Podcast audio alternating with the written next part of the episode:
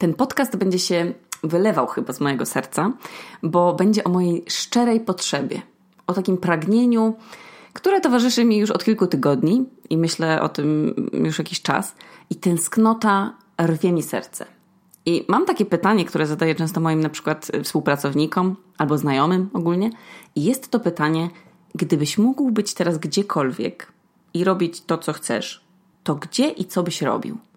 I ja kocham wysłuchiwać tych opowieści I o, o, tych domowych kryjówkach, o dalekich wyjazdach, albo historii, że ktoś na przykład chciałby tylko spać. I ja sobie wtedy myślę, co ja bym chciała teraz robić. Gdzie powędrowałyby moje nogi, gdybym tylko y, mogła, wiecie, wstry- palcami i się gdzieś nagle przenieść. I ja mam tak, że, że mam dosyć ograniczoną potrzebę eksploracji całego świata, bo ja na przykład lubię wracać w miejsca, w których już byłam. I na przykład kilka lat temu, no w ogóle kilka lat, jeździłam tylko do Norwegii. I jak mogłabym, miałabym na przykład do dyspozycji albo pojechać do Nowego Jorku, albo do Norwegii, to ja wybrałabym oczywiście to, co znam, czyli jeździłabym po fiordach i oglądała lasy. I teraz od dwóch dni jest u nas sztorm jest absolutnie obrzydliwie. W piwniczce po prostu przeciekł dach. Jeśli pytacie się, jak w piwnicy może przeciekać dach, to on po prostu cieknie tak, że przez, przez ścianę drąży się kropla wody. I jak na przykład deszcz pada godzinę, no to nie wydrąży. Albo jak przez jeden dzień, no to, no to też nie. Ale jak pada nieustannie ulewa przez trzy dni z rzędu, zacina poziomo, to już jak ta kropla wody tam potrafi zbłądzić w murze i tak to ona tak bombluje obleśnie farbę od środka, a potem się budzicie w nocy i słyszycie kapanie. Więc jest, deszcz jest do dupy, no bo kapie w mieszkaniach i nie tylko u mnie, ale najgorszy jest wiatr, bo wieje tak, że się ciężko chodzi. I jutro sztorm ma się skończyć, teoretycznie, ma być znowu ładnie. I bardzo dobrze, bo w poniedziałek mam rozmowę o pracę, więc proszę trzymać kciuki. Ale wróćmy do tego pytania, gdzie chciałabym teraz być. Gdybym mogła e, stryknąć palcami i się przenieść z tego obrzydliwego sztormu gdziekolwiek. Więc odpowiadam, byłabym z Amadeuszem w Indiach i bym jeździła na skuterze po malutkich wioskach. Jezu, jak w Indiach było super. Jak myślę w ogóle znowu o, o, Indiach, to sobie myślę, że to jest taki kraj, który można opisać tylko używając wszystkich zmysłów. Bo inaczej to jest w ogóle płaskie, że tak, tak się nie da opowiadać bez rozdzielania Indii na takie mikro kawałeczki. Więc ja Wam opowiem to po swojemu i, i, i wyleję tutaj te swoje doznania w formie dźwięku, bo aż mnie grzeje od środka, gdy o tym myślę. I nie wiedziałam o czym zrobić podcast, a że tak mi te Indie się wkręciły w głowę i cały czas o nich myślałam ostatnio, to uznałam, że tylko na ten e, temat jestem w stanie przygotować podcast niedzielny. No więc po pierwsze, co czuję na skórze, gdy myślę o Indiach, to jest takie wspaniałe ciepło, to takie przyjemne grzanie słońca na ciele, że się kładziecie na leżaku albo na ziemi i jest wam tak cieplutko i wam się poci tak pod kolanami i czytacie książkę i musicie aż tak oczy mrużyć, bo wam się w tej książce czy tam w Kindlu odbija wasza spocona od słońca twarz. I taki delikatny wiaterek wam podsusza to mokre pod kolanami i bierzecie sobie piwko i to piwko jest z lodówki, więc te zimne krople spływają wam, wam po takiej zimnej butelce i wy sobie tak, mm, tak stawiacie tę butelkę na brzuchu i tam wam jest tak przyjemnie chłodno. I taka kropla jedna się zawierusza gdzieś i tam wam spływa po boczku i tak się wtapia w ręcznik i wy jej nie ścieracie, bo ona dokładnie w jakieś 4 sekundy w ogóle się wysusza i tak jak wszystko się suszy, gdy wy sobie tam na tym słońcu leżycie i macie spięte włosy w taki gugielek i taki jeden kosmyk wam wypada z tego i, i tak delikatnie was smyra po plecach, jak na przykład zawiewa wiatr. I to jest takie bardzo, o Jezu, to jest bardzo przyjemne. I mama waszego narzeczonego na przykład daje wam przed wyjazdem w prezencie taki preparat na włosy. Taki, taki profesjonalny, bo jest profesjonalną fryzjerką. No i ten preparat ma wam chronić te włosy przed tam morską solą i, i, piekłem tego słońca, ale wy jesteście takie beztroskie, przepraszam tu do dziewczyn albo do mężczyzn z długimi włosami. Jesteście tacy, takie beztroskie, tak absolutnie zrelaksowane, że oczywiście po trzech dniach przestajecie go sobie nakładać i te włosy schną wam jak, jak włosy dzika. Te włosy aż trzeszczą jak w słuchawce telefonicznej. Są suche jak styropian i kiedy wchodzicie do wody, to ta woda jest taka, taka doskonale ciepła i daje ukojenie, więc zanurzacie się w niej i to wasze ciało tak całe czuje ulgę, a te włosy już są tak suche, że unoszą się w ogóle na powierzchni wody jak taka tratwa, jak pływaczek. więc nie może, nie, nawet się nie możecie utopić. I dno jest mięciutkie, pół życia spędzacie w ogóle na dnie, ale to dno jest inne od waszego dna, bo jest czyste i miękkie i nie boicie się, że wdepniecie w gówno. Jezu, to już jest w ogóle drugi podcast, kiedy ja y, mówię o kupach. Bardzo, bardzo was przepraszam. Ale nadal jesteśmy w tej wodzie, tak? i nadchodzi fala i wy tak podskakujecie, żeby wam się nic nie wylało do nosa i bo nienawidzę tego, jak mi się wlewa woda do nosa. Ugh. I czujecie wtedy, jak ta, jak ta fala, jak ta woda wlewa wam się z tej fali w kostium i prawie was przewraca i następuje ten taki moment, kiedy to jest taka mikromyśl, taki, taki mikrosygnał w głowie, mówi, czy spadł mi dół od kostiumu? I, I panicznie sprawdzacie, czy macie na dupie gacie? I nie, nie, nie, to tylko było uczucie, które się czuje gdy woda wpada do gaci, ale jesteście bezpieczni. I tak się unosicie na tych falach, taki, taki relaks, taki, och, taki spokój. I do ciała jeszcze dodam to uczucie takie mm, po jeżdżeniu na skuterze, takim niespełniającym w ogóle żadnych badań technicznych, zrobionych z jakichś metalowych puszek, y, dwóch kół i sznurka i kierownicy ze sklepu z zabawkami. I te zakwasy na nogach, jakie masz ściskając ten skuter, żeby się cały nie rozjebał na środku skrzyżowania, w którym jest, na którym jest jednocześnie jakieś 900 aut w ogóle i, i każdy, idzie, je, każdy jedzie w innym kierunku. Więc tak ściskacie te nogi i najchętniej byście je sobie tak zarzucili na plecy jak plecak żeby tylko mieć pewność, że nikt was w tę nogę nie przytrze swoją oponą i, i wtedy poczujecie takie pieczenie jak skurwysyn i wtedy sobie pomyślicie, czy ja mam wszystkie szczepienia? I ta sama myśl jeszcze nachodzi w momencie, w którym jesteście pod wodospadem i woda was tak doskonale pieści, chłodzi i słyszycie szum, a w stopy gryzą was takie duże, szare ryby. I myślicie, czy to są te ryby ze spa? Czy, czy ryby mogą przenosić HIV przez gryzienie pięt ludzi? I ja mam wspomnienia tego łaskotania wciąż żywe i ten lęk. I mam nadzieję, że, że te ryby nie przenoszą żadnych chorób, bo nie sprawdziłam w końcu. I, I co do żywności. Żywe wspomnienia. Co do żywności, no to ciało trzeba żywić. I, I oczywiście ciało też zjadają te ryby. No ale dobra. Tu nadchodzi smak. I ja już po roku na Islandii zapomniałam w pewnym momencie, jak smakują owoce. I tam, Panie Boże, tam jadłam codziennie 6 kilo owoców na surowo, y, w formie soków, w formie tam owsianek, innych cudów. Kupowałam je na plaży, tak jak te wszystkie bransoletki, których nie wiadomo czy kupować, czy nie kupować. Bo jak kupisz, to może ta pani musi oddać zarobione pieniądze mężowi, a jak, a jak nie kupisz, to może on jej robi krzywdę, albo nie będzie miała na jedzenie. Jak, jak zwykle, słuchajcie, dylematy moralne, nawet na wakacjach. Ale do smaku. Wyobraź sobie w ogóle największą ilość roztapiającego się masła warzywa, placki, taki ryż, idealnie sypki, ser, ryby łowione przez pana prosto tak ręcznie na kij. Jak jesz wegańsko, to jest też tam 1500 opcji wegańskich bez ryb, ale to wszystko smakuje jak raj. To jest raj kubków smakowych. To, to, to jest w ogóle po drugim tygodniu już oczywiście marzysz o pizzy i, i o pierogach ruskich albo o burgerze, ale przez dwa tygodnie jesz te fantastyczne dania, zlizujesz sosy cieknące ci po ręce, w ogóle zapominając oczywiście o, o zasadach higieny, bo to jest tak pyszne że, i tak wybitne, że zapominasz o piciu tego łyka wódki, które tak wszyscy polecają przed każdym posiłkiem, bo to jest tak smaczne, że można umrzeć z rozkoszy w ogóle bez wyrzutu sumienia. I tu wtrącę taką przypominajkę dla Amadeusza, że szliśmy kiedyś przecież przed imprezą psychotrans na plaży na jedzenie i Amadeusz mówi, o może tu. I ja mówię, mm, ty no, ale tu jest stary tak pusto w tej knajpie i ja, ja nie chcę jeść ryby chyba. A Amadeusz wtedy, ale tam byli ludzie, ja widziałem wcześniej. Wiecznie jemy tam, gdzie ty chcesz i a teraz zjemy tutaj, gdzie ja wybieram. No i mi tam od początku coś kurwa nie pasowało i mówię, coś Amadeusz za miły ten pan. Bo pan faktycznie, właściciel był bardzo miły. I Amadeusz wziął rybę, ja wzięłam jakiś, jakiś ser taki w szpinaku i najpierw czekaliśmy chyba z godzinę na to, bo ewidentnie pan chyba poszedł umyć tę rybę gdzieś w Ludwiku. A potem przyszłam, mm, przyszło żarcie i, i ono było już tak naprawdę rozczarowujące. Ale, do czego zmierzam?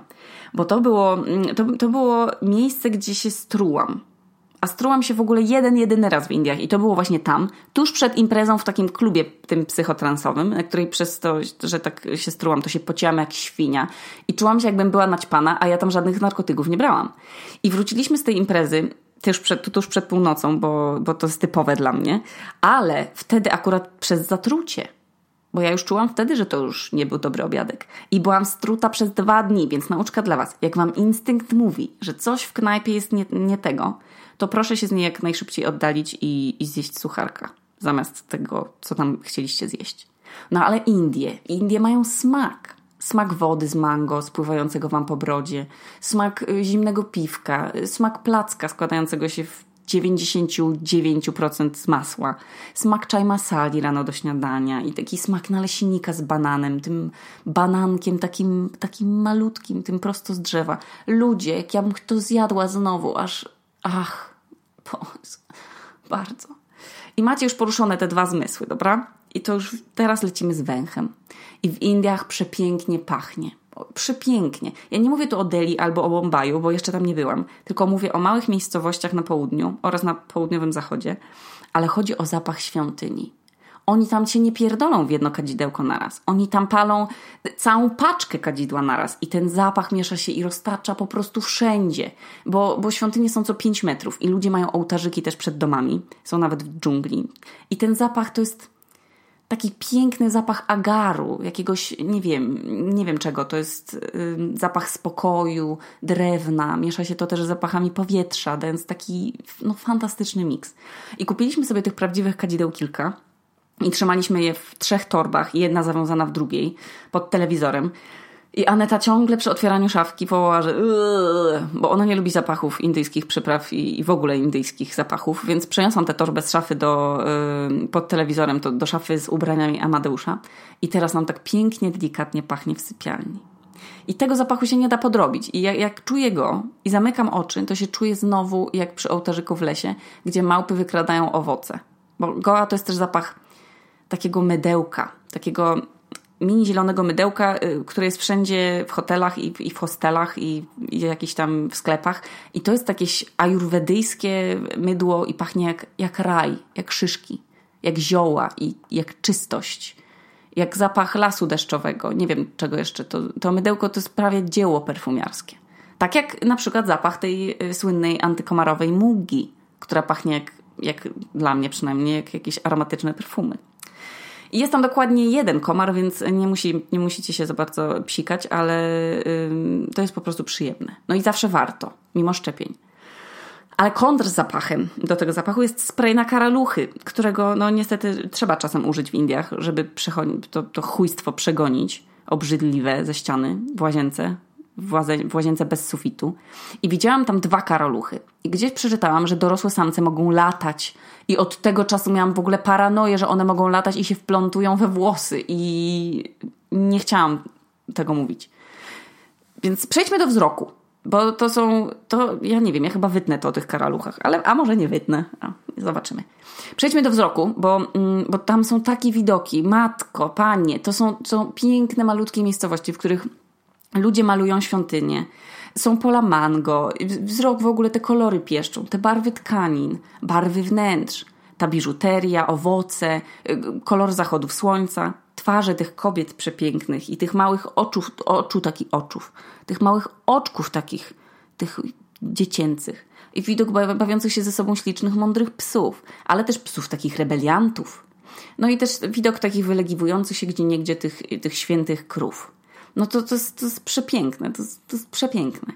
Jest też widok policjantów, którzy ci wklejają, mandaty, kurwa, za wszystko i łącznie wydajesz masę siana na łapówki, czując się jak jakiś najgorszy w ogóle człowiek świata i bandyta, wspierając to łapówkarstwo, ale musisz się dopasować i płacić. Ale w kontrze jest też widok tych pięknych domków na szczudłach na plaży, tych palm, łodzi, tych kolorowych takich autobusów i pociągów i, i kwiatów i, i widok tych twoich spalonych słońcem włosów, które już są prawie siwe od soli i, i która je pokrywa. I to już jest wtedy, kiedy już wiesz, że już nie ma sensu używać tego olejku, bo już musisz się zgodzić na łyso po powrocie. Te włosy są tak suche. Ale nie zapomnę, jak pięknie wygląda plaża, kiedy zachodzi słońce ale nie, nie dlatego, że jest ładne niebo, yy, ale że na plaży zaczynają palić się świeczki. I ludzie, którzy już skończyli pracę, ci wszyscy Hindusi idą na, na plażę i to jest ich taka przyjemność dnia, żeby położyć się na ciepłej ziemi, spotkać się z rodziną. Dzieci ganiają psy, tam psy ganiają inne psy i krowy. Jacyś hipsterzy robią jogę tak, żeby ich tam wszyscy widzieli i podziwiali. I wszędzie jest mnóstwo kolorów i zapachów i, i no wtedy się robi już tak przyjemnie, troszeczkę zimniej, że można siedzieć na zewnątrz i czytać książkę i słuchać jak, jak małpy harcują. O Jezu, bardzo bym chciała. I ostatni zmysł, a może w sumie przedostatni, o którym chcę powiedzieć, to jest właśnie słuch. I w Indiach słychać zwierzęta, dżungle, te ptaki, wodospady, ale słychać też furkot dziurowych silników. I słychać propozycje wszystkich istniejących narkotyków sprzedawanych już no nie na gramy, tylko w ogóle na worki. I słuchać śpiewy, słuchać jak Amadeusz narzeka, że mu się spiekły plecy. Słychać jak ja narzekam, bo już więcej nie wsiadam na żaden skuter, kurwa, bo już wszyscy bez przerwy trąbią i mnie po prostu strzela coś, bo jutro na pewno już umrę w rowie. Słychać szum morza, jak się śpi na plaży i są fale. I się wie, że jak się rano obudzi, to się zje to pyszne jedzenie i się totalnie wtedy zamyka koło tych zmysłów, e, tych Indiami, tych pobudzanych Indiami. Jest też muzyka z tych psychotrensowych klubów te kolory, te, te, dziwne grzyby i te narkomańskie dzieła sztuki. I ci ludzie tańczący do tego w takiej ekstazie i ja tańcząca i zastanawiająca się, czy można się zarazić złym gustem muzycznym, bo no ja na maksa, gdybym się wtedy nie zatruła tym fatalnym posiłkiem, przez wybór knajpy Amadeusza przypomnę, to bym tam tańczyła do teraz, bo tak jak na co dzień nie lubię imprez, to ta impreza psychotechno z tymi fluorescencyjnymi farbami i, i narkomanami, to w jakiś dziwny sposób mi się wtedy podobała. Panie Boże, jakie Panie Boże, to jest takie przebodźcowanie, to jest, to jest doskonałość podróżnicza. Masaż ajurwedyjski wykonywany przez, przez starsze panie. I ta starsza pani, która mi wylała na głowę wiadro oleju, no niestety nie odratowała moich włosów, które były suche i sztywne, jak ta wiklinowa tacka, co się ofiarę w kościele w nią zbiera. Ale ten masaż będę wspominać do końca życia, bo to był taki masaż, po którym byliśmy tak zrelaksowani, że, że prawie nie obudziliśmy się, gdy nas pogryzły pluskwy w hotelu. W takim hostelu w Starym Zakonie. Ale jednak się obudziliśmy i dostaliśmy manii i googlowaliśmy, czy one mogą przenosić choroby. I to było zanim się zaraziliśmy z, złym gustem muzycznym. I wydawało nam się, że pluskwy to jest największy problem. Ja przepraszam, że wam mówię o tych pluskwach i karaluchach, ale to jest y, szczery podcast i ja nie mogę wam mówić o Indiach pomijając te aspekty i na przykład tylko mówić o psach i krowach. No są też pluskwy i karaluchy i jakieś różne inne obrzydlistwa i pająki też są, ale to jest po prostu urok, prawda, mieszka, znaczy podróżowania po prostu w inne zakątki ziemi. I dlatego właśnie na koniec wspomnę krótko o kolejnym zmyśle, czyli o zmyśle, który nie wszyscy mamy, a nawet jak nam się wydaje, to to jest zgubne bo czasem to jest tylko nasza samoocena. I mianowicie to jest zmysł etycznego podróżowania do krajów mniej uprzywilejowanych niż, niż nasze. I nie jestem żadną edukatorką w tym temacie i się nie będę w ogóle e, nikogo pouczać i mądrzyć, ale do takich krajów jak Indie, no, czy w ogóle biedniejsze kraje w Azji, trzeba jeździć z taką myślą w głowie, że po pierwsze, nie jesteśmy Jezusem Chrystusem i, nie jesteśmy wcale w niczym lepsi od tych ludzi, którzy tam mieszkają, bo, bo mamy Spotify i Netflixa i czystą wodę. I ja jestem Okuniewską, a nie Janiną Ochojską niestety, więc nie będę się mądrzyć przed, yy, przed wami. I przed tym wyjazdem poczytałam trochę na stronie postturysta.pl i bardzo polecam tę stronę, bo uważam, że o etycznym podróżowaniu się za mało mówi. I jest to kolejna rzecz, której nas nie uczą w szkołach. I jak rodzice nas tego nie nauczą, to się później no, ogląda takie wideo, jak blogerzy urządzają afrykańskim dzieciom bitwę o cukierki. I się czuje taki niesmak. Więc Was o to nie podejrzewam, bo jesteście inteligentnymi ludźmi, ale stronę postturysta.pl polecam e, mimo wszystko, bo jest to ciekawe i warto dla swojego rozwoju i swojej kultury osobistej taki savoir vivre, mm, prawda, mm, trochę się z tym zapoznać. Ale koniec moralizatorstwa. Na koniec Wam jeszcze opowiem, e, na, jak super było pójść na cały dzień do dżungli i do takiego baby, takiego, takiego stuletniego dziadka, który tam mieszka z grupą swoich uczniów i on uczy jogi i wiary. No i do tego, e, żeby tam do niego iść i tam też wysłuchiwać tego, to trzeba kupić owoce wodę i tam mu to zanieść. Oraz haszysz, jeśli e, chcecie, albo marihuanę. No ale my zanieśliśmy dragon fruta, arbuza, banany, te takie piękne małe. I spędziliśmy absolutnie cały dzień tam. Wcześniej jedząc pyszne śniadanie w jakiejś kolejnej knajpie przy, pra, przy plaży w Arambolu. Więc potem bardzo najedzeni, z pełnymi brzuszkami, szliśmy do tej dżungli i tam była taka ogromna, ogromna małpa na drzewie. I, i kurwa, to była małpa jak Tomasz Omieciński ten aktor w sensie, taka małpa wielka jak jego muskuły. Jak doszliśmy do tego drzewa, tego figowca, bo to jest takie olbrzymie drzewo z milionem lian, które jest w ogóle narodowym drzewem Republiki Indii, o czym ja wcześniej nie wiedziałam. I ono jest prawie tak samo cool jak sekwoje. Bo ono nie jest może tak bardzo wysokie, ale jest takie super rozłożyste. I oni żyją tam właśnie. W sensie ten, ten nauczyciel, ten baba z swoimi uczniami. I my tam spędziliśmy cały dzień, pijąc z tymi hipisami herbatę i w ogóle nie wiadomo z jak brudnej wody i z brudnych kubków. Jedliśmy też owoce myte tą wodą i chuj wie skąd ta woda była, ale potem ten mistrz oblewał sobie nią też stopy i jakoś dziwnie... Wtedy nawet przez moment nie zmartwiłam się, że o, może jakąś chorobę dostanę bo było tam tak super, bo były pieski, były to owoce, ten baba tam robił takie w ogóle figury jogi, że ja pierdolę. Ważył jakieś 4 kilo, jadł tylko owoce i palił takie buchy haszyszu z tej fajki, która tam mm, latała, że on się, jak on się zaciągał, to mu się chyba aż do przepony to trafiało. Jakby on tam miał kolejne płuco tam na dym. To był najfajniejszy dzień chyba podczas całego wyjazdu. Właśnie obserwowanie, jak ten dziadek palił tę fajkę. I, I tym wspomnieniem zamykam ten podcast, żebyście teraz to wy mogli się zastanowić, e, że gdybyście mogli teraz być gdziekolwiek, z kimkolwiek i robić coś, to gdzie i z kim i co by to było. I nie dawajcie mi znać w komentarzach, tylko sobie o tym pomyślcie. Ale możecie też mi to o tym napisać, będzie mi miło. I wyobraźcie sobie to tymi wszystkimi zmysłami i bez kitu życie jest takie piękne, kiedy mamy wyobraźnię. Bardzo. Koniec. Ale się nagadam. Tu Okuniewska w piwniczce w Reykjaviku, a mentalnie pod drzewem figowca. A to był odcinek o tym, gdzie bym chciała teraz być.